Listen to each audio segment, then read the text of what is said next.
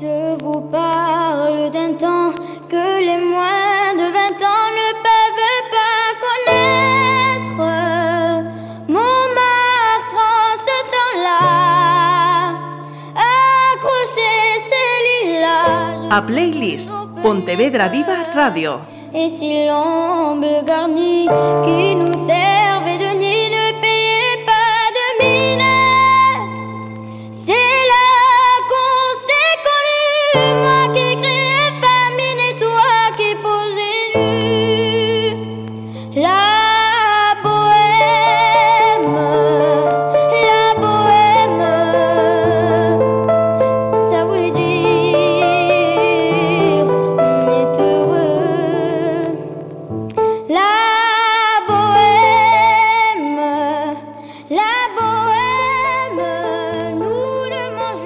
Saludos, vamos a conocer la playlist del invitado que nos acompaña en Pontevedra Viva Radio y, y al propio invitado. Así que antes de decir yo nada, ya voy a entrar a machete. Nombre y apellidos que figuran en tu carnet de identidad. Pues soy Diego Landín del Río. Muy de Pontevedra ese apellido, Landín. Muy único de aquí. Fecha de nacimiento. Soy del 10 de abril y nací en el año 1994. 26 añitos. Nacido en, Nacido aquí en Pontevedra, residente en, en Marín. hijo de, Hijo de Celia y Diego. estado civil. Casado. Tu primera selección y dejamos en el aire la parte profesional para después. Mi primera... Selección Selección. musical, sí, para esta Pues playlist. mira, la verdad que le di un montón de vueltas, pero dije, voy a empezar como haciendo una historia por mi vida. Y la verdad que cuando yo era pequeño solo podía escuchar ABBA. Solo podía escuchar ABBA y mi madre siempre me decía, es que o le poníamos ABBA o lloraba. Y estaban todos en mi casa hartos ya del disco de ABBA. Entonces mi primera canción sin duda es Mamma Mía de ABBA, un temazo que a día de hoy lo escucho y me motiva y me encanta. Entonces sin duda ese es como el primer tema y playlist.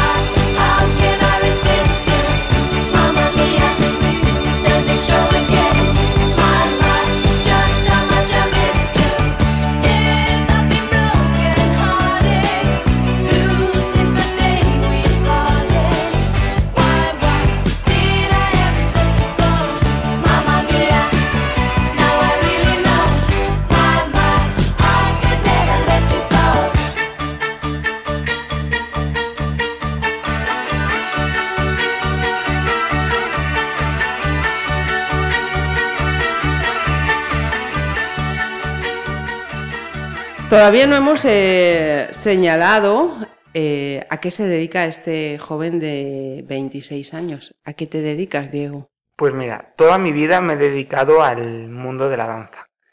Eh, empecé como bailarín, por supuesto, y ahora mismo estoy más como director y como coreógrafo. Bailarín, director y coreógrafo. Repito, 26 años. ¿Cuál es el primer recuerdo que, que tienes de, de Diego Landín del Río bailando?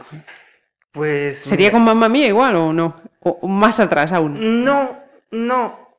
Seguramente bailaba, ya con mamá mía, estoy seguro, porque a mi madre ya le decían que, le decían, este niño va a ser futbolista cuando estaba embarazada.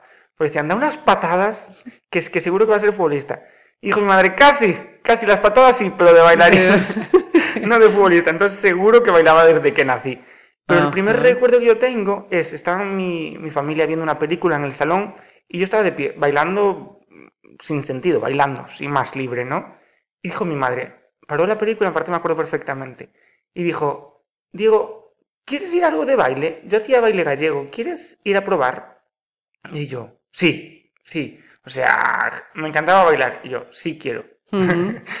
Y íbamos a ir y me dijo una amiga nuestra, pues mi hija está yendo a clases de ballet, ¿por qué no prueba? Yo no tenía ni idea lo, lo que era ballet, o sea, no había visto ni un vídeo ni, ni nada. Y fui a los seis años y medio, seis años, y ya, hasta ahora, 20 años después. A los seis años, eh, casi nada. Para ti, entonces, aquellas primeras clases, ¿qué eran? Eh, ¿Desarrollar algo que mm, sentías que tenías que sacar? ¿Era un juego? ¿Cómo lo entendías? ¿Cómo lo vivías? Yo lo entendía como que tenía mucha energía y llegaba a un sitio en el que me salía calmado, salía, digamos, como en paz. Yo estaba todo el día en plan ajetreado, yo no, en medio de la comida me levantaba y m- corría por la cocina, era un torbellino.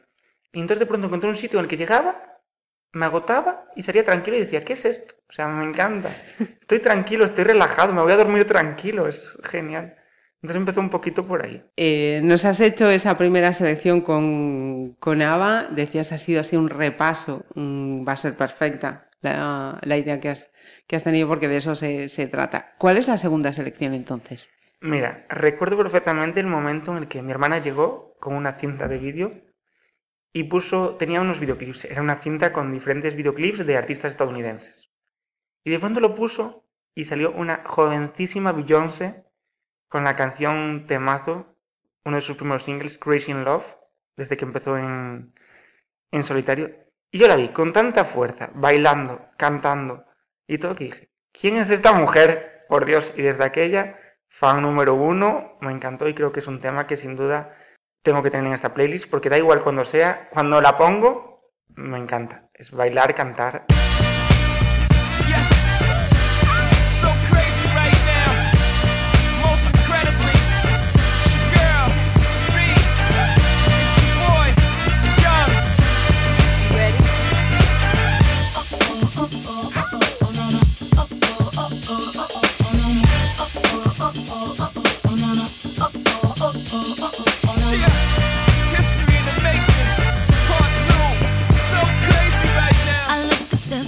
Deep in your eyes. I touch on you more and more every time.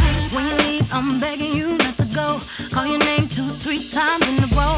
Such a funny thing for me to try to explain. How I'm feeling and my pride is the one to blame. Cause I know I don't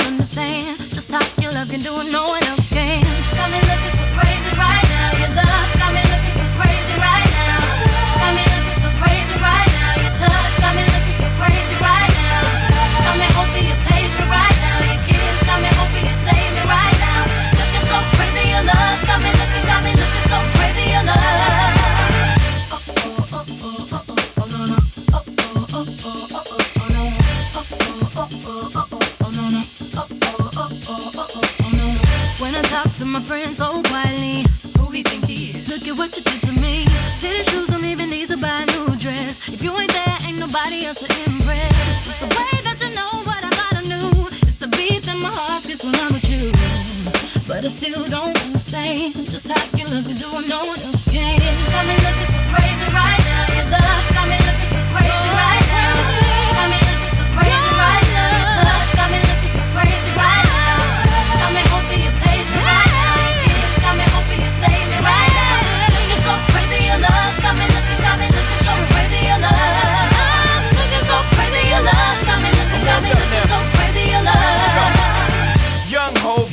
Flow is loco. Young B and the ROC. Uh oh, OG, big homie, the one and only. Stick bony, but the pockets are fat like Tony. Soprano, the rock handle like Ben X2. I shake phonies, man, you can't get next to. The genuine article, I do not sing though. I sling though, if anything, I bling yo. Star like Ringo, war like a Greensboro wreck. Crazy, bring your whole set. Jay Z in the range, crazy and deranged. They can't figure him out, they like, hey, is he insane?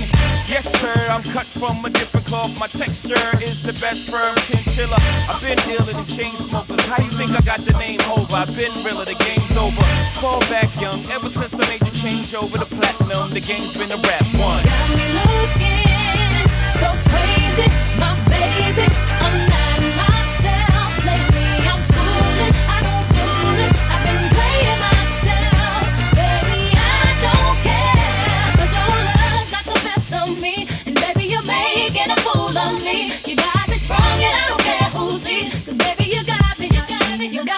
crazy,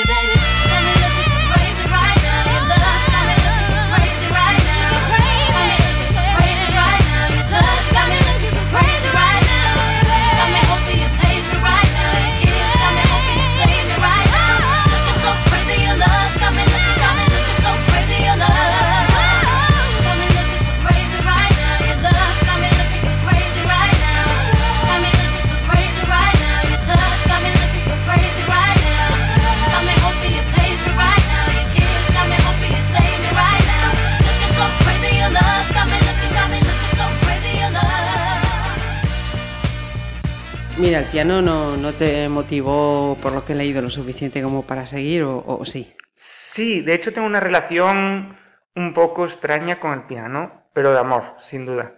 Porque estudiaba piano y danza. Lo que pasa es que llegó un punto en el que eran tantas las horas de una y tantas las horas de otra, porque el piano también requiere muchísimas horas de trabajo, que el día tiene 24 y no... No da para más. No da más para más. Más el colegio, más todo, no, era imposible. Y, y tuve que elegir. Y sin duda me quedé con, con la danza. Lo tenía bastante claro, ¿eh? Ujú. No me costó mucho, pero el piano sigue estando en mi vida, por supuesto que sí. ¿Nos enseñas a, a diferenciar o nos puedes explicar eh, qué es la danza clásica y qué es la danza contemporánea? Sí, claro. Mira, la danza clásica em, empezó un poquito así, recapitulando, con, en Francia, con el Rey Sol. Él le gustaba muchísimo la danza y empezó, digamos, a, academizar la danza, es decir, ponerle un nombre a un paso y desarrollar una técnica. Eso fue evolucionando en diferentes tipos de danzas y luego se le fueron sumando las danzas tradicionales de cada país y otros tipos de danza. Pero como la raíz de todas las danzas es la danza clásica. Entonces se puede decir que la danza clásica es la danza más académica, eh, más cuadrada, por decirlo de alguna manera, porque ya está todo codificado. O sea, Ajá. ya todo existe, todo está hecho. Luego tú puedes jugar en- con las combinaciones, ¿no? Pues yo los pasos los hago así, o el brazo lo alargo más, o lo alargo menos, o la pierna la pongo más alta o más baja. Pero ya existe, ya tiene un nombre. Eso es un poquito la danza clásica. Luego la danza contemporánea surgió cuando la gente comenzó a romper con esos moldes, justo de decir, ¿por qué tengo que estar aquí, digamos, un poco encorsetado en este papel o en este rol? Porque hay que tener en cuenta que el repertorio clásico, lo mismo, ya existe, y tú representas algo que ya existe, no te puedes salir de ahí. Si eres un príncipe, eres un príncipe. Si es una, un desamor, es un desamor, pero ya existe. Entonces la gente empezó a investigar en, en otras sensaciones, en otros aspectos, y la diferencia es básicamente esa, que la danza contemporánea quizás es un poco más libre, más dejar tus emociones fluir. Más creativa. Sí. Que conste que con el tiempo también se fue desarrollando diferentes técnicas de danza contemporánea. De hecho, ahora se le llama danza moderna en Estados Unidos y en muchos otros países porque ya como que pertenece a un género, que es la época moderna. Ujú. Entonces la danza contemporánea ya es la danza de ahora, que es un poquito ya más diferente. Pero hasta ahora ya también hay la técnica Graham, la técnica Horton, la técnica Limón. Son técnicas contemporáneas. Entonces al final también tiene sus nombrecitos y sus pasos igual. Ajá. ¿Os habéis aprendido la clase? Bueno, pues para eso está. Si no, vol- volvéis para atrás y Exacto. volvéis a escuchar. Em, mira, tú en las actuaciones del colegio tenías que ser el crack. Pues a mí, la verdad, me, me encantaba ser el centro de atención. Te lo juro. Yo quería ser el delegado y el que bailaba y el que organizaba y el que todo. Entonces, yo recuerdo perfectamente cuando mi hermana con sus amigas montó una coreografía y yo estaba como en primero de primaria o algo así. Dije, ¿qué? Que se puede montar coreografía, se acabó. Mi clase va a bailar todos los años en el festival. Y sí, me encantaba. Ajá. La verdad. ¿Qué colegio fuiste, Diego? Pues hice primaria en el Sagrado Corazón, en Placeres, Ajá. y luego hice lo que es el instituto en Illa de Tambo, en Marín, Ajá. y me gradué de segundo bachillerato en el Chando Monte, en Marín. Ujú. Mira, has mencionado varias veces a tu hermana en lo que Mm. llevamos de charla. Es mayor que tú. Sí, cinco años. Ajá. ¿Cómo se llama? Vamos a hacer también justicia. Isabel. Isabel. Y entiendo que para ti es eh, fundamental también en, en tu vida. Sí, claro, tenemos un vínculo muy especial. Eh, nos fuimos juntos a estudiar a Madrid. eh, ahora tenemos mm, el proyecto con el que estoy ahora en marcha juntos también. Sí, siempre está ahí, la verdad. Ajá. O sea que además de, de hermana, es amiga, Sí, compañera. os voy a contar un secreto que es que no quería que yo existiera. Ella era hija única y cuando, cuando nací, no, qué horror. Dijo, ay no, se me acabó el reinado. Y mi madre le dijo, justo tenía varicela, y le dijo, no te acerques a Diego que se la vas a contagiar. Y en un momento que no me di cuenta, me dio más besos que en toda mi vida y me la contagió. Hoy se lo agradezco porque no me acuerdo, pero, pero sí, no, una relación muy especial y muy bonita, la verdad que sí. Mira, eh, esa historia la viví en primera persona, incluida los besos y el pegarle. No fue la varicela, yo creo que fue el sarampión lo que le pasé a mi hermana. Ah, bueno. Pero exactamente igual, exactamente igual. Sí, señor.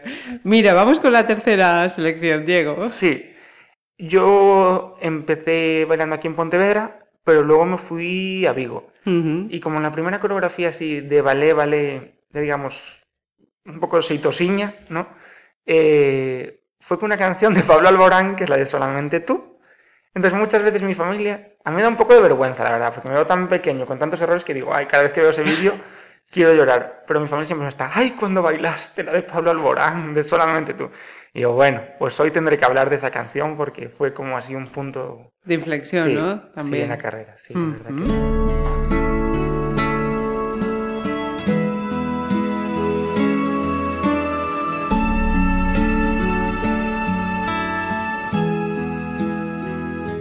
Regálame tu risa, enséñame a soñar con solo una caricia.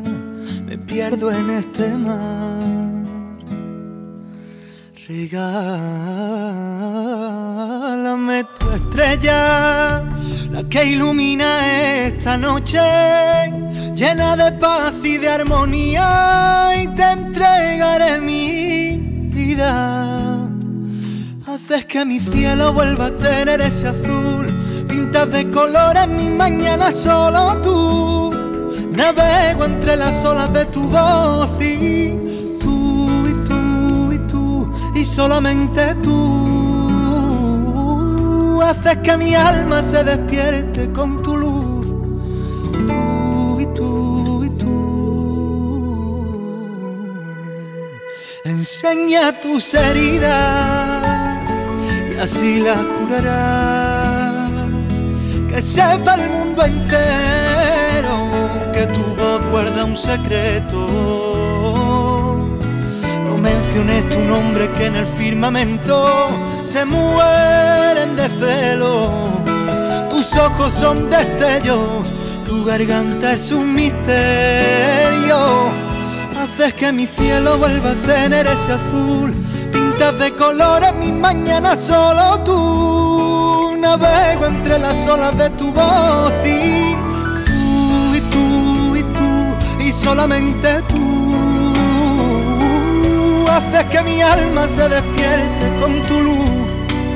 Tú y tú y tú y tú y tú y tú y solamente tú haces que mi alma se despierte con tu luz.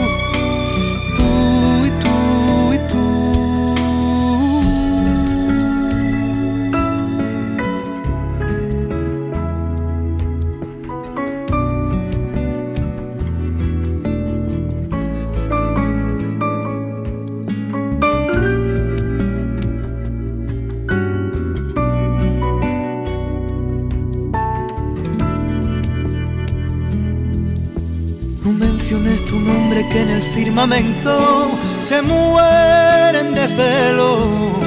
Tus ojos son destellos, Tu garganta es un misterio.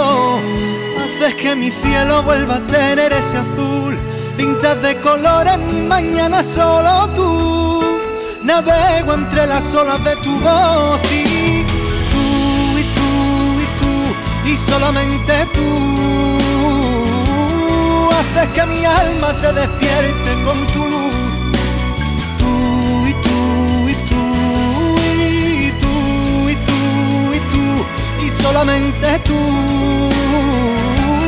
haces que mi alma se despierte con tu luz.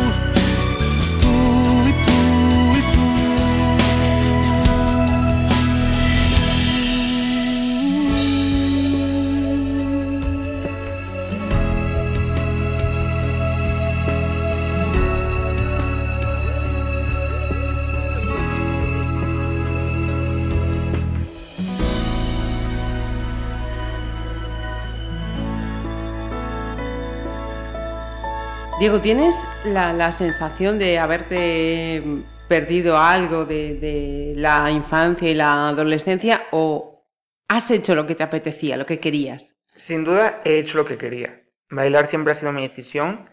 Es verdad que cuando era adolescente eh, muchas veces tuve el pensamiento de estarme perdiendo muchas cosas. Cumpleaños, fiestas, reuniones, amistades. Sí tuve esa sensación. Pero a día de hoy veo el pasado y digo, no, es que gané mucho más de lo, de lo que perdí, porque yo desde pequeño viajando en concursos, conociendo países, conociendo amistades de todos lados, y como digo yo, cada viaje para mí es un máster. Entonces, creo que es mucho más lo que gané que lo que perdí. Lo que no has, no has po- podido hacer en condiciones Sí. que no te hubieses dedicado a, a la danza. Sí, justo. Eh, mira, nos habías contado mientras estábamos haciendo las fotos eh, una, entre comillas, eh, anécdota que, que no lo es, y, y es la de horas que le dedicabas y lo que contabas de, es que mi madre se quedaba, ¿nos lo puedes repetir? Sí, claro, mira, cuando estaba aquí, en Galicia, iba todos los días de Marín a Vigo, todos, incluido domingo.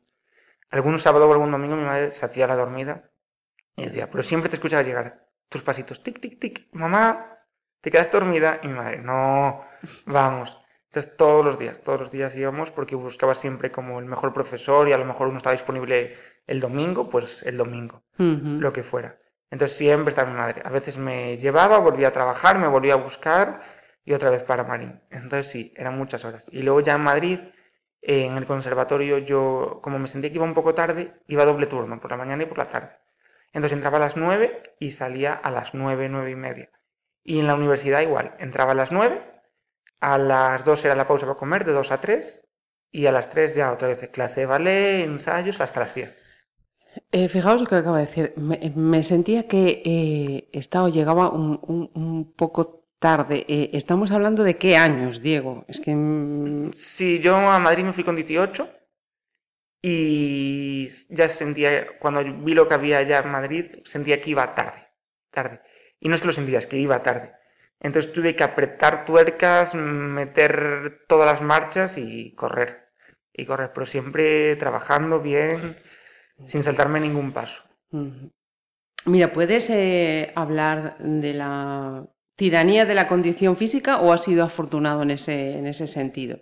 Mm, No, de hecho siempre he luchado mucho, mucho, la verdad. Yo no tengo el típico físico alargado, francés o europeo, por decirlo así. Yo soy, como dicen, ¿no? un gallego fuerte, hago dos abdominales y ya tengo tableta, las piernas se me ponen súper fuertes y en la danza clásica en sí se busca la estilización, o sea, el alargamiento. Y yo por mucho que quisiera eran cosas que no dependían de mí. Yo podía cuidar la alimentación para no desarrollar tanta fibra roja o podía trabajar alargando, pero pues la anatomía es la anatomía, ¿no? Ujú. Entonces recibí muchísimos, muchísimos, muchísimos nos. Pero ahora que estoy del otro lado, me doy cuenta que lo más importante es la constancia. Porque yo sigo en el mundo y progreso en el mundo y estoy ahí y mucha gente que tenía muchísimo talento físico, pues lo acabo dejando. Pero al final lo que vale es continuar, seguir y luchar con, con lo que te gusta, sin duda. Y acabas llegando. Hay un sitio para todos. Toma ya. Cuarta selección. Pues mira, quería hacer un poco cancio- eh, referencia a adolescencia, porque el otro día vamos en el coche y me dicen unos amigos, en- a ver, pon- dinos una canción que quieras escuchar. Y dije yo, ay, pon la de Titanium, de David Guetta y Sia. Y dicen, Diego, eso es de la época mm, prehistórica. Y yo, ¿qué dices? eso debieron pasar como tres años de esa canción. Y lo buscaron y no, como diez años o algo así. Y dije yo, qué locura. Pero es una canción también que me encanta. Entonces, Mm. hay que tenerla ahí en la playlist.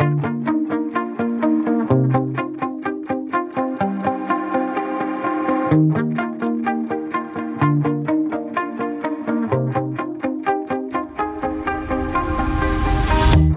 You shot it.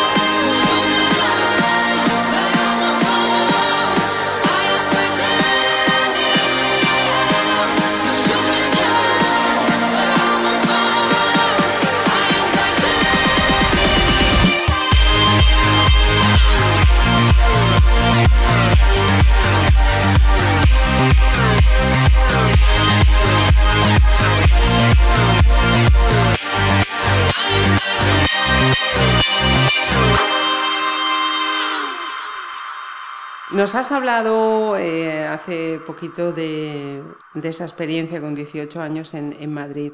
¿Qué primeros recuerdos tienes de, de aquel momento? Aparte de esa sensación de, de llego tarde, tengo que, que forzar.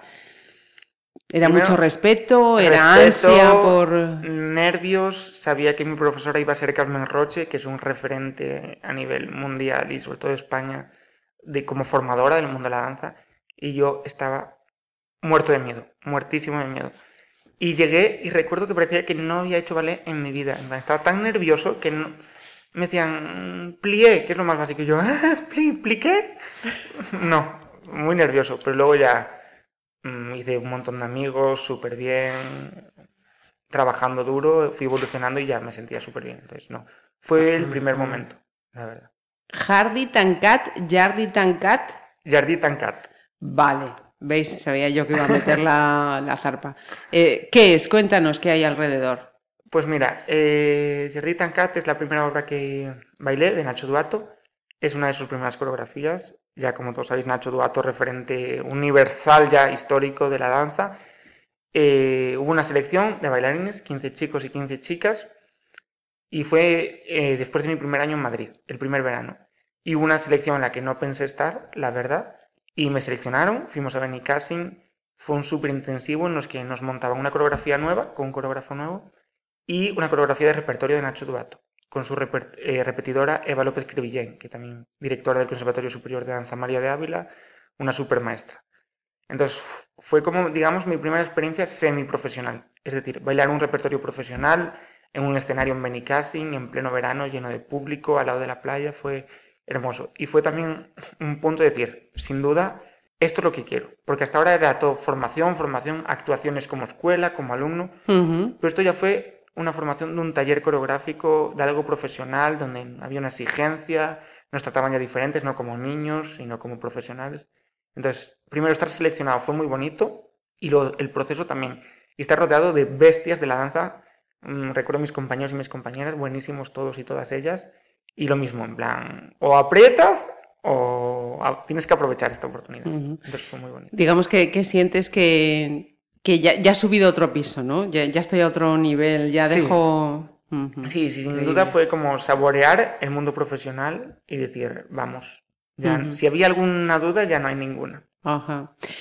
Hablando de subir escaleras, eh, llegas a los 20 años y pasas, voy a leer la chuleta, al Instituto Universitario de Danza Alicia Alonso. Sí. Eh, para los que no estamos eh, preparados y no conocemos eh, el mundo de, de la danza, eh, ¿con qué sería comparable este instituto universitario? Vale, pues te comento. Alicia Alonso, que murió hace nada, hace poquito, poquito, fue una mujer que hizo de Cuba, una isla en la que no había nada de danza, un imperio de la danza. O sea, los bailarines cubanos son reconocidos en todo el mundo por su gran técnica, por ser bailarines increíbles y son primeras figuras alrededor de todo el mundo. Entonces, eh, la Escuela Nacional de Cuba es sin duda entre las 10, 5 mejores del mundo. Eh, está Rusia, Francia, Inglaterra, Italia y Cuba, digamos, por decirlo así, ¿no? Siendo muy generales. Y esto es como una, una sede de los maestros cubanos en Madrid. Ajá. La propia Alicia Alonso lo fundó, eh, maestros de la talla de María Cristina, Orlando Salgado, Marta García, que fue directora del Ballet Colón, eh, primerísimas figuras están en Madrid por los cubanos con su metodología formando a gente. Entonces, la verdad es formarse a un súper nivelón en danza clásica. Eh, ya en ese momento, con 20 años, ya empiezas a, mm, a poder vivir de la danza, económicamente hablando. O... Mm, No, no, no, no, ahí todavía no. De hecho, me estaba formando.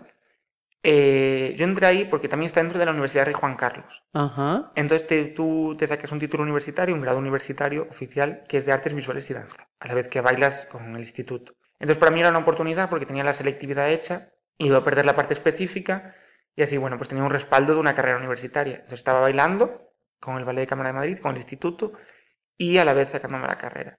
Entonces ahí todavía seguía estudiando. Y ese mismo año, estando en la universidad, hice la audición para el Joffrey Ballet en Nueva York y para el Alvin Ailey American Dance Theatre también en Nueva York y fui becado por ambas instituciones y ese mismo verano, después de mi primer año de carrera, me fui a, a Nueva York a estudiar con una beca. Y vamos a hablar eh, de eso más adelante. Así que vamos con otras selecciones. Nos encontramos en la mitad de la lista, Diego. ¿Qué vamos a escuchar ahora?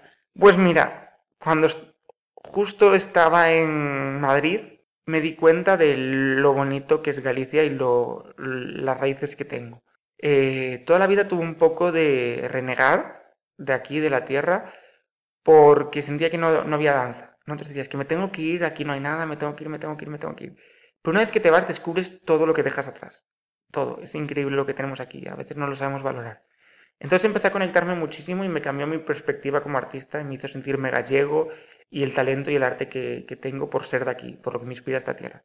Entonces conocí a David de Salvado, canto- eh, cantante gallego, y la primera canción que escuché de él eh, fue la de Cabaliño, que me encantó y la percusión, la pandereta, todo. Me, me fascinó y dije, wow, wow. Eh, lo conocí, desde entonces trabajo con él, tenemos algún vídeo juntos, bailamos en la Quintana, en un concierto de él, en Santiago, y empecé a conectarme un poco y a relacionar mi danza y mis coreografías también siempre con, con Galicia, con la danza tradicional, fusionando todo. Entonces ahí fue como mi conexión Con la tierra. con la tierra, con esa canción en especial. Meu cabaliño cabalo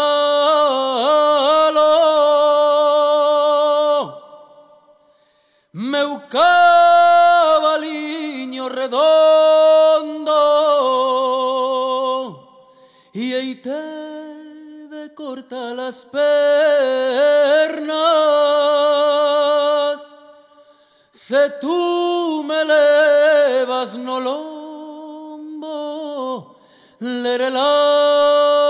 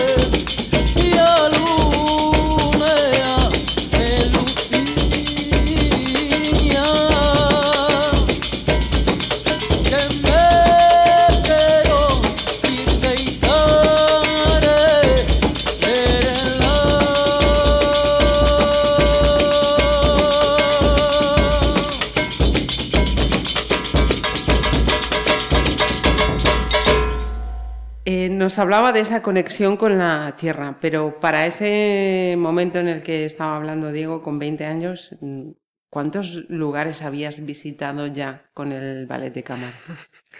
Con el Ballet de Cámara hicimos una gira bastante bonita eh, por España, Zaragoza, Salamanca, prácticamente todos los teatros de Madrid. Fuimos por varios sitios, por diferentes sitios de toda España.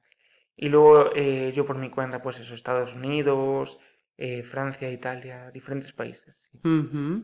Eh, nos has hablado de Cuba, de Rusia, de Francia. ¿Cómo está considerada España en este, en este ámbito de la danza? ¿Dónde estamos, Diego? Mm, Mira, hay algo muy sorprendente, que es que España es uno de los países que más exporta bailarines. O sea, prácticamente todas las compañías del mundo, hasta las de primer nivel, las más importantes, tienen españoles.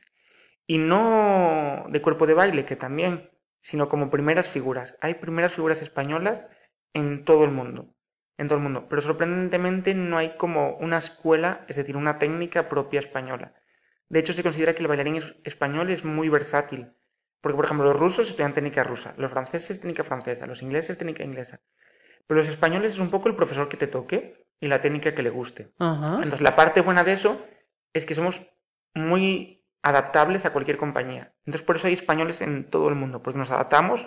Así donde hay un contrato, Allí hay un sacamos español. fuerza, allí hay un español. Siempre hay un español en todas partes, sí. Es evidente que la danza es una vocación y que ya en la barriga de tu madre ya estabas dando ahí los primeros, los primeros pasos. Pero me gustaría preguntarte también por, por otras aficiones que tengas, si es que tienes tiempo. Pues mira, justo el tiempo no lo tengo mucho, pero, pero sí, me encanta, me encantan muchas otras cosas. Por ejemplo, me encanta los pasear por la naturaleza, tipo senderismo, playa, y una vez hice kayak, me fascinó. Me encanta el piano, pero sin duda es otra pasión, pero no tengo tiempo para dedicarle. Me encanta la cocina, pues lo mismo. Tengo- me gusta cocinar a fuego lento, entonces no tengo tiempo para ponerme bien. Y luego las mascotas, soy un apasionado de las mascotas, sin duda. Tengo unos gatitos rescatados en mi casa. No tengo perros porque tengo alergia, pero mi hermana sí. Y en mi casa siempre ha habido perros. Y mi gran pasión también son, son sin duda los animales. ¿Diego cuida mucho la estética fuera del escenario? Sí, hubo una hora menos, la verdad. Porque estoy trabajando en eso, ¿no? En, bueno, fluir un poquito y re- estar más relajado. Pero hubo una época en la que yo tenía que salir a comprar el pan y decía, uy, no, Diego, eres un artista, ¿cómo vas a salir así? Pero luego, por el mismo hecho de ser artista, dije, pues, luego lo cambié. Dije, pues mira, eres artista, vas como sea. Y si te dicen algo, soy artista.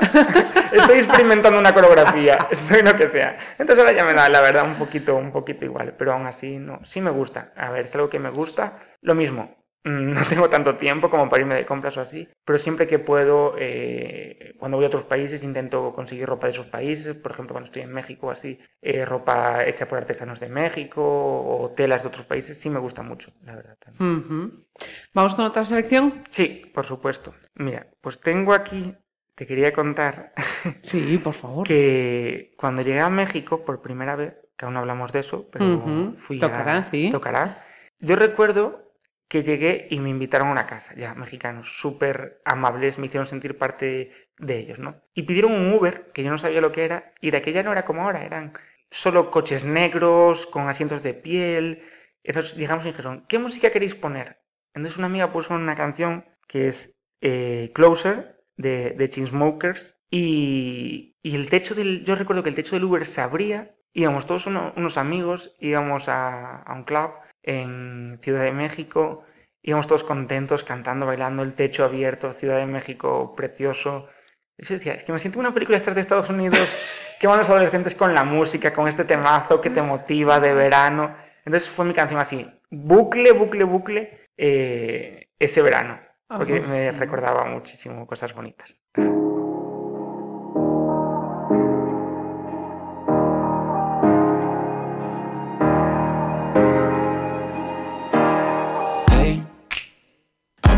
Just fine before I met you. I drink too much and that's an issue, but I'm okay. Hey, you tell your friends it was nice to meet them, but I hope I never see them again.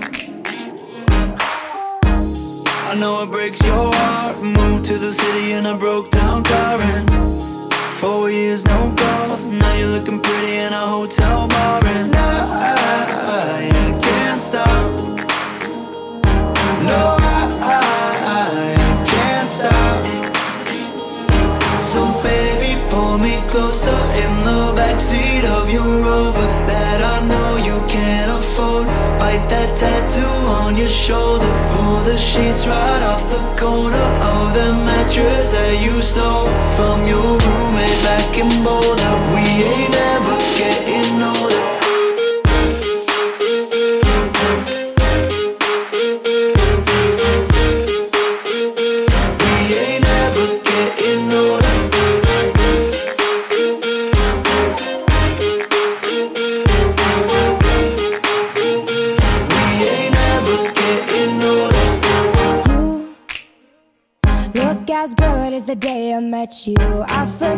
just why I left you. I was insane. Stay and play that Blink 182 song that we beat to death in Tucson. Okay.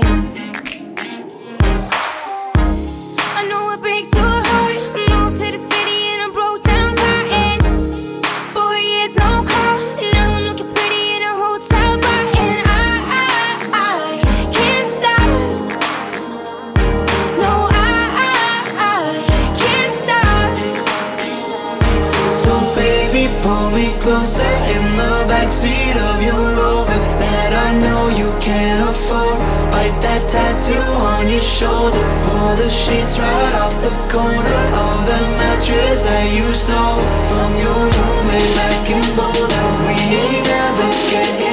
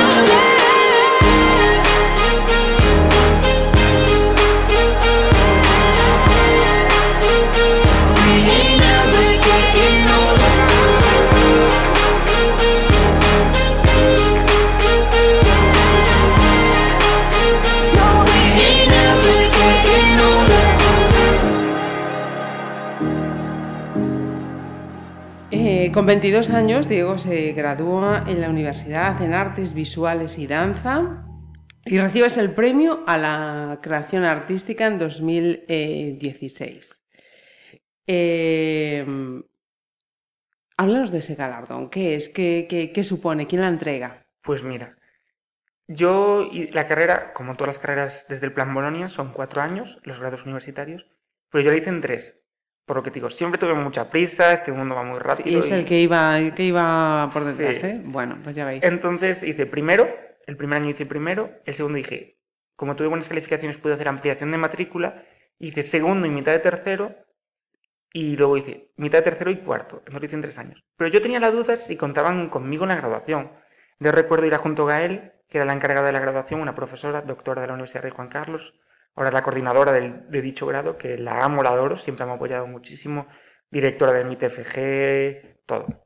Y dije, oye Gael, es que viene mi madre mañana la graduación y yo no sé si contáis conmigo, la verdad, porque como en, en teoría no me toca, no sé si contáis. Y ella, ah, pues no, no lo había pensado, no sé, yo supongo que sí, pero uf, no lo sé. Y toda una jugarreta. Luego en plena graduación me dieron el premio extraordinario de fin de carrera, que es este premio de creación. Fue muy bonito y me dijo, ¿cómo no te íbamos a tener en cuenta? Mira, toma, tu premio ya, para que te quedes tranquilo. Entonces sí, fue muy especial. Lo concede la universidad como al alumno que haya realizado el mejor trabajo de creación. Entonces fue muy bonito.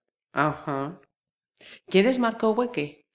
Marco Goek es, eh, bueno, era coreógrafo residente del Stuttgart Ballet, primera compañía de Alemania, coreógrafo residente del Netherlands Dance Theater, la compañía de danza contemporánea más importante del mundo en Holanda, y es un referente mundial, es un coreógrafo que está sacando un movimiento totalmente nuevo, algo que no se ha visto, es increíble, increíble.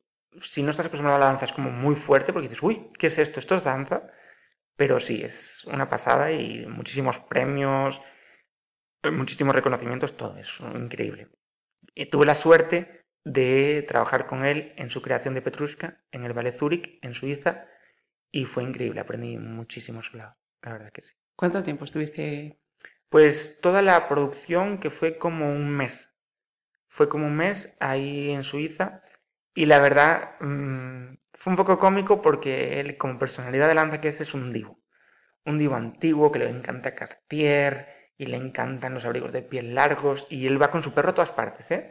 Su perro es un perro salchiche, tiene que estar en todas partes, en el teatro, en donde sea. Y si no encuentra el perro, él no trabaja allí. O sea, es un divo.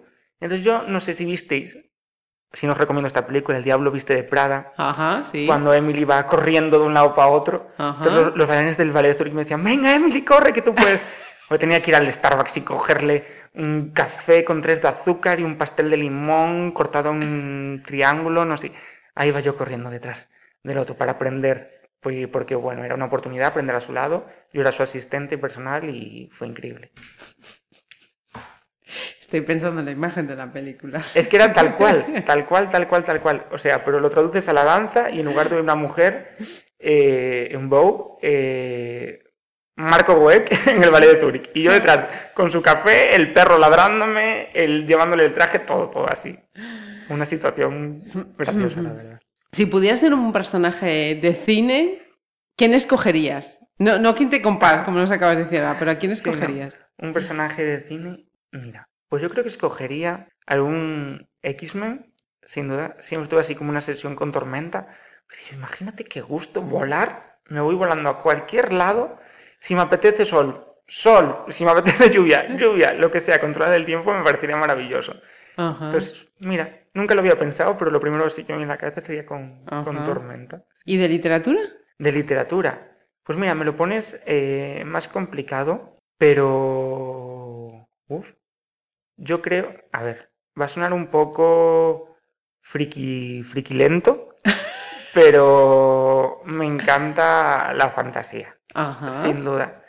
Y yo empecé a aficionarme por la lectura, no con un clásico de la, de la literatura, por supuesto que no, sino con Harry Potter. O sea, Ajá. Yo leí Harry Potter y ahí fue cuando comencé uno de mis hobbies, que es la lectura, como te digo, siempre que puedo eh, leer.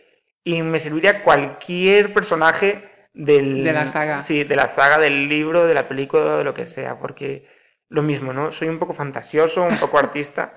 Digo, ay, ojalá, ojalá tuviera yo poderes para, para que Poder hacer. Sí, poder hacer, justo. Venga, vamos a ponerle otra de tus elecciones. Perfecto. Pues mira, eh, le estuve dando muchas vueltas, la verdad, y por casualidad vi un vídeo de este artista que es de hace poquito, Aitana, Ujú. cuando pasó por el concurso, y estaba cantando eh, Procuro Olvidarte, la canción de Hernando Zúñiga. Y la verdad dije, ¿quién es esta chica? Y empecé a ver vídeos de ella me pareció tan natural, tan espontánea, tan dulce, tan todo, que me sentía adolescente otra vez. Fan de Aitana total.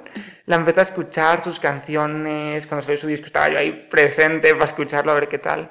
Y esa canción especial, la de Procuro Olvidarte, cuando voy a México les digo, hay una artista española y les pongo este vídeo, le pongo Procuro Olvidarte, escucharla.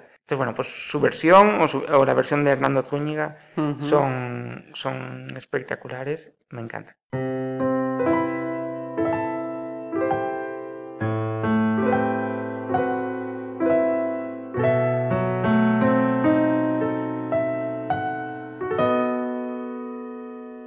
Procuro olvidarte, siguiendo la ruta de un pájaro herido. Procuro alejarme de aquellos lugares donde nos quisimos. Me enredo en amores sin ganas ni fuerzas por ver si te olvido. Llega la noche y de nuevo comprendo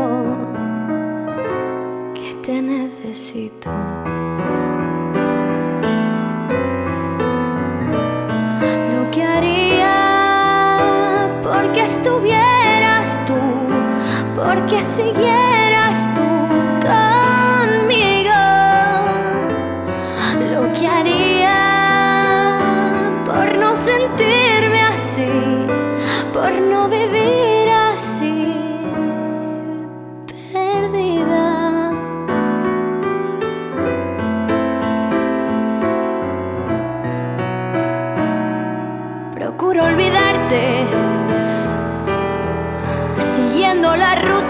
pájaro herido. Procuro alejarme de aquellos lugares donde nos quisimos.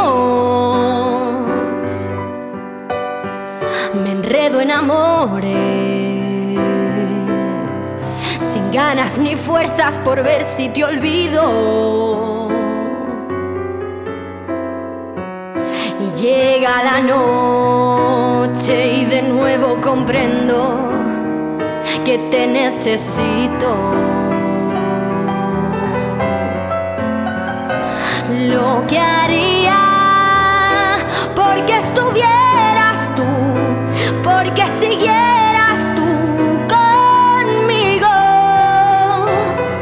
Lo que haría por no sentirme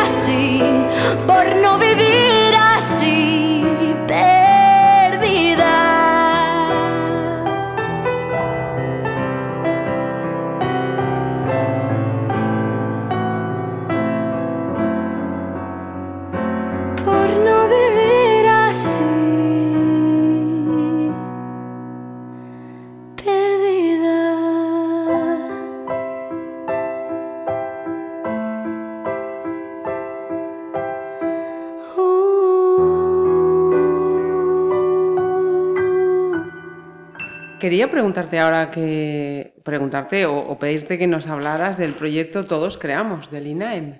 Sí, Pues esa fue otra selección. Eh, vinieron del INAEM a la universidad eh, a buscar coreógrafos. Entonces hicieron una serie de pruebas, preguntaron quién estaba interesado y luego se eligió y fui seleccionado para participar en este proyecto, que es eh, ir a colegios tanto de primaria como de bachillerato y con gente que no tiene nada que ver con el mundo de la danza, crear todo un espectáculo que se hace en el Auditorio Nacional de. Madrid de música.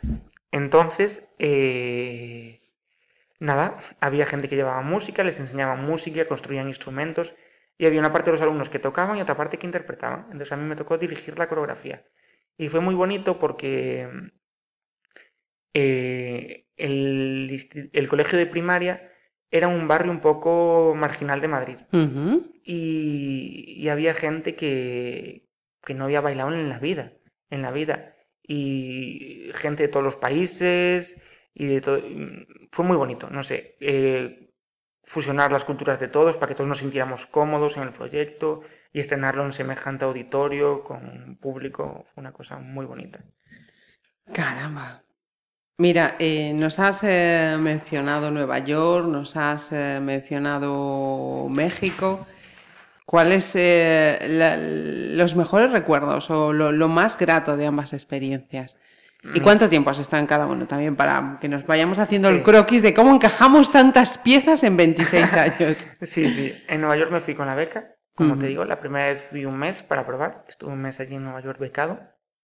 Me propusieron quedarme todo el año, pero tuve el dilema de volver y acabar la carrera o seguir en Nueva York. Al final decidí acabar la carrera. Y luego al año siguiente volví, tres meses, y luego al siguiente volví dos meses. O sea, fue como un mes, tres meses y dos meses. Estuve así por tiempo, siempre en Nueva York. Y en México fui nada más a acabar la carrera, eh, a trabajar con los bailarines de la Compañía Nacional de Danza de México. Ah, ahí estaba dando yo mis primeros pinitos como coreógrafo y bueno, pues me apoyaron muchísimo, siendo voluntarios para crear, para probar. Eh, entonces la primera vez fui a acabar la carrera y desde aquella voy seguido, porque ahora soy coreógrafo residente del Ballet de Monterrey, en México.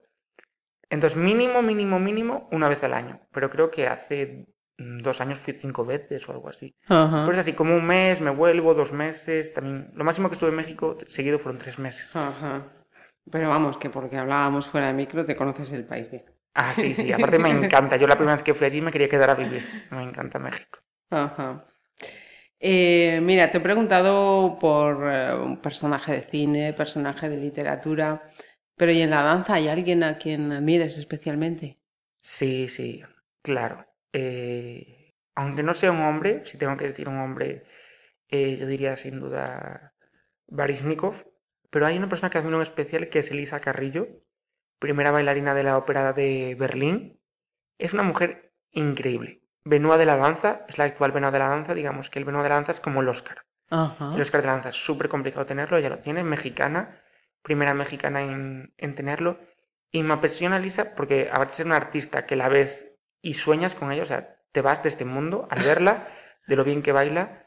Tiene un proyecto social precioso, lleva danza de primer nivel a México, da becas a gente sin recursos, se trae a niñas y a niños a Europa, a que puedan formarse aquí, todo becado. Eh, hace muchísimas cosas sociales, es increíble. Para mí es una mujer eh, súper fuerte, con un montón de energía, siempre dispuesta. Y a mí también me ha ayudado un montón. Ahora es codirectora también de la Compañía Nacional de, de Danza de México. Me apoya allí, me apoya en Berlín. Ahora mismo su esposo, también primer bailarín de Berlín, se retira. Y vamos a, claro, por supuesto, a su despedida. Y bueno, una mujer especial a tener en cuenta. Una inspiración de mujer, la verdad que sí. Eh, mira, nos has dicho al comienzo, en, la- los primeros instantes de esta charla, te preguntaba por datos del DNI, te preguntaba estado civil y has dicho casado. Sí. Eh, ¿Nos hablas de esa persona? Sí, sí, bueno, eh, yo conocí en México cuando, cuando fui a Carlos Quezada, fotógrafo internacional, con publicaciones en New York Times, etcétera, etcétera. Eh, se considera el mejor fotógrafo de danza del mundo o entre los mejores. Y desde que fui, justo me, me alojé en su casa y ahí comenzó una relación, una amistad y poquito a poco y hasta el día de hoy. Ajá. Bueno, luego pondremos el enlace de, de su página web, de ese proyecto en el que está, bueno, uno de tantos por lo que nos está contando, pero el que tiene aquí en Galicia y podéis ver también esas eh, imágenes. Eh, vamos con la octava selección, Diego. Mira, pues hablando de México, de Elisa Carrillo, de la Compañía Nacional, de todo, hay una cantante mexicana que me parece que tiene una voz increíble, que transmite muchísimo, y es Carla Morrison. Carla Morrison, y en especial tiene una canción con Eli Guerra que se llama Tierra Ajena, de su álbum Amor Supremo. Y es una canción que me encanta, me encanta, me hace viajar muchísimo. Si no la conocéis, a Carla Morrison os la recomiendo, todas sus canciones son descubrimiento, sí. sí, preciosas y bueno, ha sido un descubrimiento y es una de mis básicas. ¿Y tú quién te crees? Enamorándome así, sin pedirle permiso a Dios, enredándome en locura. ¿Y tú quién eres? Quitándome el sueño apareciendo en mi desvelo, cuestionando mi pudor. Yo quiero pedirte un deseo yo, mas nunca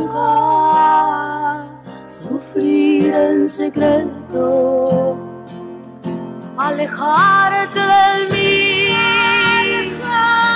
para nunca sentir esta dulzura en tierra ajena. En lo que esté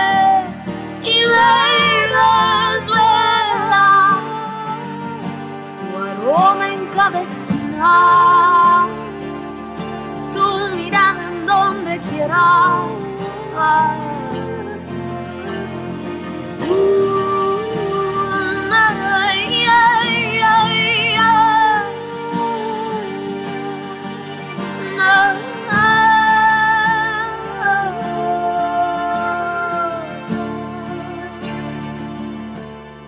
¿Y tú a qué vienes? ¿Y tú a qué vienes?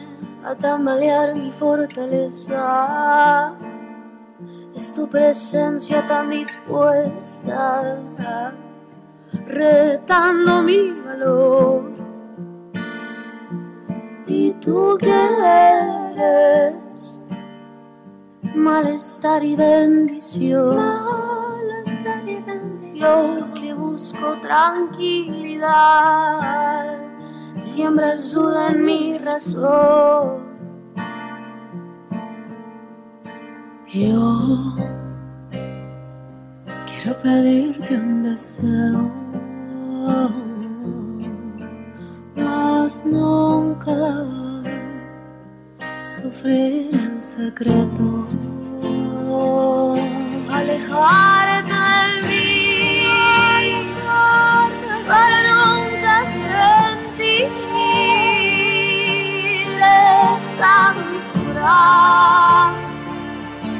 En tierra ajena que me enloquece y me desvela tu aroma en cada esquina, tu mirada en donde quiera.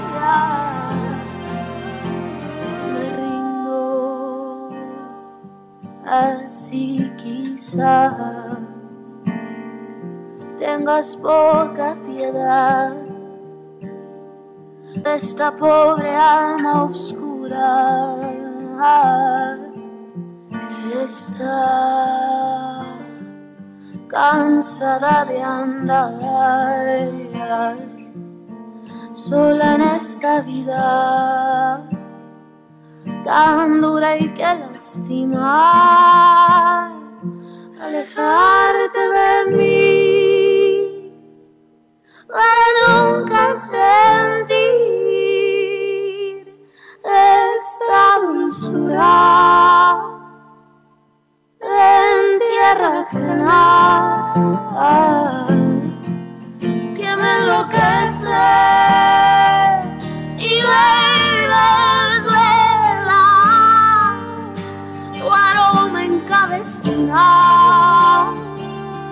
tu mirada en donde quiera. Ay, ay,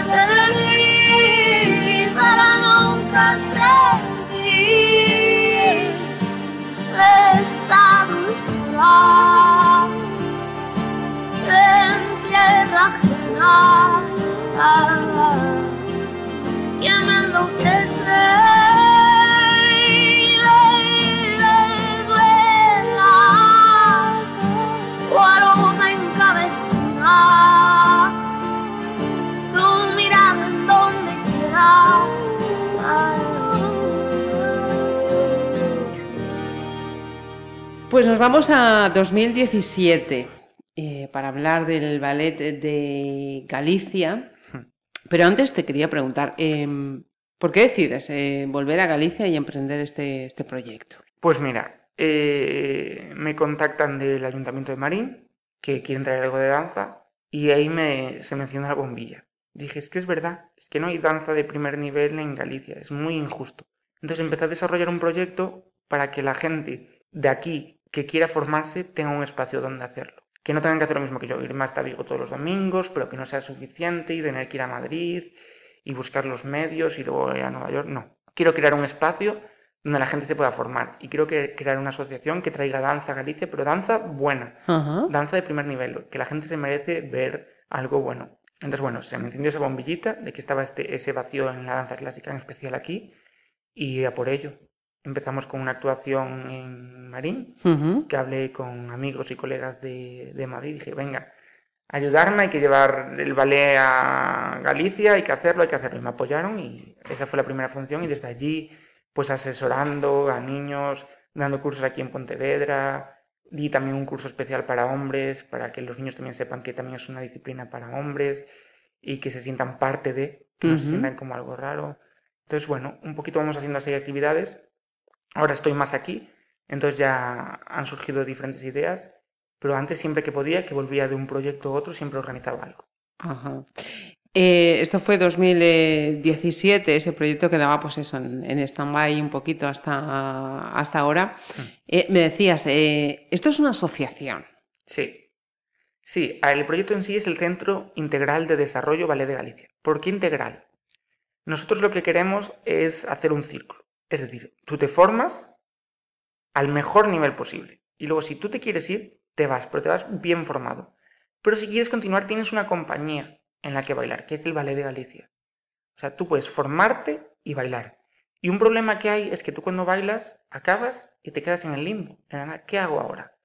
Entonces nosotros queremos que los bailarines del Ballet de Galicia, dos añitos antes de retirarse, un año que ya se va sintiendo en el cuerpo, pues digan, mira, me voy a retirar, pues te empezamos a formar como profesor, como coreógrafo, como técnico de luces, como vestuarista, como lo que sea. Entonces ya cuando acabas, pues ya eres profesor del Centro Integral de Desarrollo. Entonces se queda un círculo, tú te formas, puedes bailar y luego puedes trabajar. Entonces no te quedas colgado en ninguna de las etapas. Y si en alguna de las etapas tú te quieres ir, que te vayas con marca Galicia diciendo, estoy bien formado, estoy al mejor nivel posible, pero que si te quieres quedar aquí por el motivo que sea, que puedas hacerlo y que no haya ningún hueco. Vacío. Sí. No hay ningún proyecto. Me decías, no solo en Galicia, sino en Mm, No, España. Sino en España. Eh, es algo muy normal en países como Alemania o Francia. Tú en Francia te acabas y ya tienes tu puesto de profesor o de administrador o de lo que sea, lo mismo en Alemania, pero aquí no. Aquí estudias, acabas de estudiar como me pasó a mí, te gradúas y limbo. Trabajas, si consigues una compañía en España que es un poquito difícil, y limbo. Y lo mismo, entonces no existe nada que, que te diga, jova, es que, ¿qué es? ¿Hasta los 18 la formación, hasta los 40 la profesión de bailarín y luego qué? No, pues nosotros lo que queremos hacer es eso, que no te quedes colgado en ningún punto. Y cuentas con asesoramiento de entidades y nombres de peso. Sí, sí, sí, sí. Eh, la verdad, por suerte, em, tengo muchísimos apoyos, gente que cree en la danza y que, que me apoya. Este proyecto fue revisado por muchísima gente. eh, por ejemplo, Toña, eh, que es, fue vicerrectora de aquí de la Universidad de Vigo, eh, profesora aquí en el campus de Pontevedra. Se lo presenté cuando ya estaba más o menos sólido para que le echara un, ojo de cómo ponerlo aquí en Galicia, si era viable eh, Fernando Sa- Saavedra, uno de los directivos de la Universidad Menéndez Pelayo, doctor también honoris causa, Patricia Bonín, doctora en investigación de la danza de la Universidad Rey Juan Carlos, Gael Bender, o sea, muchísimas personalidades con fuerza, la misma Elisa Carrillo desde la experiencia de bailarina profesional y desde la- su experiencia que tiene una asociación, eh, para decirme esto sí, esto no, y siempre una asesoría externa, es decir, eh, nosotros dentro de los que formamos el centro integral opinamos, pero pedimos consejo a gente de fuera que no esté vinculada. ¿Por qué? Para que sean realistas y nos den con la realidad en la cara. Porque lo que queremos es sacar esto adelante. No nos sirve de nada el ego, no nos sirve de nada empeñarnos en algo, entonces escuchamos opiniones de fuera y las aplicamos. Y siempre de gente que sabe de, de lo que habla. Os habéis enterado, ¿no? Esto no es una tolemia, ¿no? Como dicen Sí, aquí, no, no, no, no. Está perfectamente amarrado al suelo, Justo. estudiado, avalado, Justo, aconsejado. de hecho, y- cuando nos dicen, pero, ¿qué vais a hacer con esto? Toma, esto vamos a hacer. ¿Y qué vais a hacer con esto? Esto. ¿Pero lo tenéis todo pensado? Sí. No, y seguramente hay cosas que se nos escapan que a la hora de ponerlas en marcha se van a ir viendo. Pero tratamos de tenerlo lo más atado posible. Imagino que mm, habría algo que sí se escapaba y es que se nos ha escapado a todos. Sí. Y es que llegara esta pandemia. Desde luego, desde luego. Pero mira, yo no fui de esas personas que se supermotivó y que las aprovechó al máximo. No, al principio lo intenté porque pensé que no iba a durar nada. Mi cumpleaños fue en abril y dije, ay, después de mi cumpleaños ya se va a pasar. De hecho, pude coger el penúltimo avión que llegó de México a España Ajá. porque yo estaba allí. Y, y no sé, me derrumbé un poco al ver que no daba pasado. Pero luego de un mes o así, me di cuenta de, dije, Diego, a ver, ¿qué haces? Aprovecha para atar más cosas, para repensar el proyecto, tíralo abajo y vuélvelo a hacer de nuevo. Vuelve a darle la vara a tus profesores de la universidad. Piensa, piensa. Y, y por suerte lo pensé y ahora estamos en marcha. Eh, queda vinculado, pues si os queda cualquier duda, ponemos ese vínculo a su web eh, para que podáis, si os interesa, poneros en contacto con, con Diego, porque además ya, ya clara, claro, hemos tomado y estamos al tanto de todas las recomendaciones y pautas que hay que seguir Sí. en esta, en esta Sí, tesitura, por su- lógicamente, no puede Por ser de otra manera. Tú entras al local en el que estamos ahora, primero desinfectas los pies, luego los secas, se te toma la temperatura, por supuesto con mascarilla, todo separado. Tenemos máquinas purificadoras de aire para que mm, se eliminen todos los gérmenes. eh, cada vez que alguien se sienta, cada vez que alguien lo que sea se desinfecta, lo que es el, el aula está separado por conos, tú entras en tu espacio, estás allí separado con distancia de seguridad de las otras personas, luego se- no hay clases seguidas, por ejemplo, si una clase acaba a las 5, no empieza otra a las 5. Ah, o sea, si empieza a las 5 y acaba a las 6, no empieza a las 6. A las 6 y media, porque tenemos media hora de desinfectar todo el espacio, toda esa gente se va y entra otra gente. No hay gente en la sala de espera. O sea, sí nos lo tomamos en serio. Está todo meditado y medido. Ya veis que Diego no, no deja nada a la improvisación. Mira, estamos ya en la novena selección. Sí. Aquí me costó porque son 10 canciones de playlist. Yo apunté 14 por si acaso. Entonces tengo que seleccionar. No os voy a poner música clásica, aunque me encanta y representa una parte muy importante de mi vida, porque quiero que escuchéis cosas bonitas como... La música clásica es muy bonita también, ¿eh? Sí, pero igual la gente le apetece música más de verano. Estar más entretenido. Ha pensado más en vosotros que en él, que Claro. lo tengáis en cuenta. Claro, la verdad, tengo mu- mi vida siempre está- ha estado vinculada con la música, entonces puedo, no sé, tengo una playlist muy larga. Pero como tengo que elegir 10, esta va a ser para animaros un poquito y hubo una canción que me encantó, que la sigo poniendo a día de hoy, y es Me Rehuso de Danny Ocean. Eh, entonces, venga, para que os animéis y bailéis mientras escucháis esto. Pero sin grabar sin que nadie nos vea, ¿eh? Porque Ah. con el invitado que tenemos aquí, como para ponerse aquí a hacer competiciones.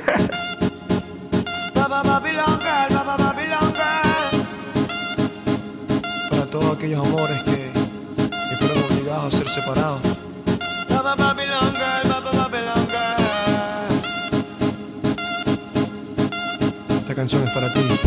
Dime cómo le explico a mi destino que ya no estás ahí. Dime cómo guardé para desprenderme de este frenesí. Esta locura que siento por ti, con esta química que haces en mí. Y ya no puedo, girl, ya no puedo, girl. Nena, discúlpame si te ilusioné, yo no lo quise hacer.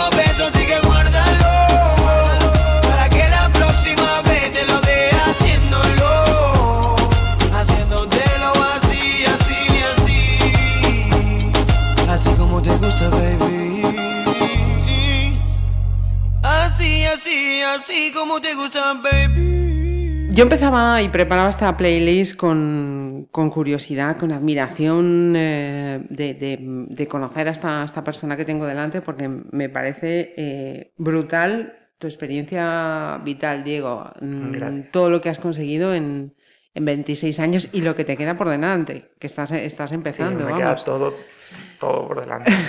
Eres eh, joven, muy, muy joven, y quería preguntarte precisamente por, por esa generación a la que perteneces, ¿no? Es una generación a la que mm, ahora mismo, en este momento, en esta tesitura tan complicada en todos los sentidos que estamos viviendo, eh, se le está reprochando eh, falta de responsabilidad y, y cierto grado de, de egoísmo.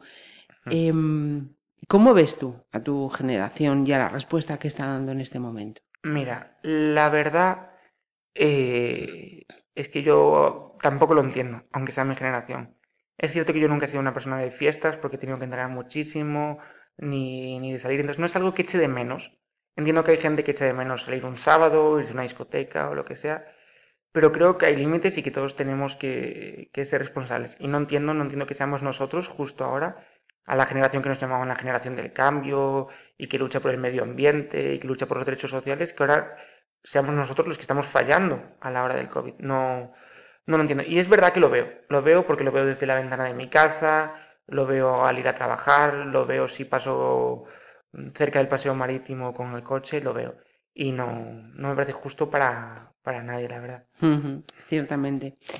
Eh, hablando de tu futuro, eh, ¿lo ves bien encaminado? ¿Lo tienes claro? Sí, lo tengo claro. lo tengo claro. Ese es sí. Sí, lo tengo claro porque sé a lo que me quiero dedicar. Ajá, sí, sí. Y de una rama a otra siempre sé que va a ser relacionado con la danza. Pero entre lo del COVID, entre la parte de suerte que tienes que tener dentro de este mundo, a veces pensarlo da un poquito de vértigo. Ujú. Yo prefiero simplemente trabajar, trabajar, trabajar, mis 12 horas al día, mis 10 horas al día, las que sean, y, y obtener resultados día a día. Porque si me pongo a divagar en el futuro, me da un vértigo, una ansiedad horrible y ya no puedo ni dormir. Hormiguita, Sí. pasito a pasito. Sí, sí. Eh, seguimos en ese futuro. ¿En Galicia, fuera de Galicia o como nos vienes demostrando, es compatible estar dentro y fuera? Dentro y fuera. Tu futuro, tu futuro, mantener Ah, ese futuro y esta sí, actividad sí, sí. Eh, compatibilizando estar en Galicia con este proyecto y fuera de Galicia con otros de hecho, proyectos. a veces me vienen padres o madres preocupados de, pero si tú viajas un montón, ¿cómo vas a hacer? Cuando te vayas en febrero nos vas a dejar tirados. Por supuesto que no, claro que no. Eh, lo que a mí me permite ofrecer el nivel de clases que ofrezco es justamente conocer a la gente que conozco. Entonces no puedo dejar de viajar, porque la danza está en constante evolución. Y yo quiero dar la mejor formación posible y esa formación tiene que estar actualizada. Ujú. Entonces yo sigo viajando, conociendo, absorbiendo y trayéndolo para aquí. Y mientras yo me voy, traigo profesores de primer nivel para que sigan con todas esas clases, compañeros, amistades, profesionales, para que nunca se queden sin, sin sus clases. Por supuesto que no, sería súper irresponsable decir, "Eh, el mes que viene no estoy, hasta luego, me voy, os mando una foto desde México. no, no. Clases online. ¿eh? Claro, así como hablamos antes que estaba todo pensado, esto también está pensado, está todo organizado para que, para que la gente siempre tenga la formación que tienen conmigo o incluso mejor con otros profesores. Ajá. Eh, que, no, que no es fácil, ¿eh? porque el nivel que trae el chico, cuidadito. Eh, para terminar esta, este tercer grado al que te hemos sometido en la, en la última hora, si te pido un sueño por cumplir en la parte profesional y en la parte personal, ¿qué me dices? Uf, un sueño por cumplir en la parte profesional y en la parte personal. En la parte profesional imagino que, que tener un reconocimiento, que llega un punto de, de tener tal reconocimiento de estar tranquilo laboralmente. Me refiero, hay gente como Elisa Carrillo, como Marco Boecno, que ya no tienen que pensar, "Mm, ay, va a salir esto adelante, no va a salir, me van... No, ya están tranquilos como Nacho Bato, ¿no? Su nombre ya es una marca Claro, y funciona. claro, y funciona. Y van a tener todo tra- trabajo toda la vida y cuando no estén en este mundo, sus obras van a seguir estando aquí.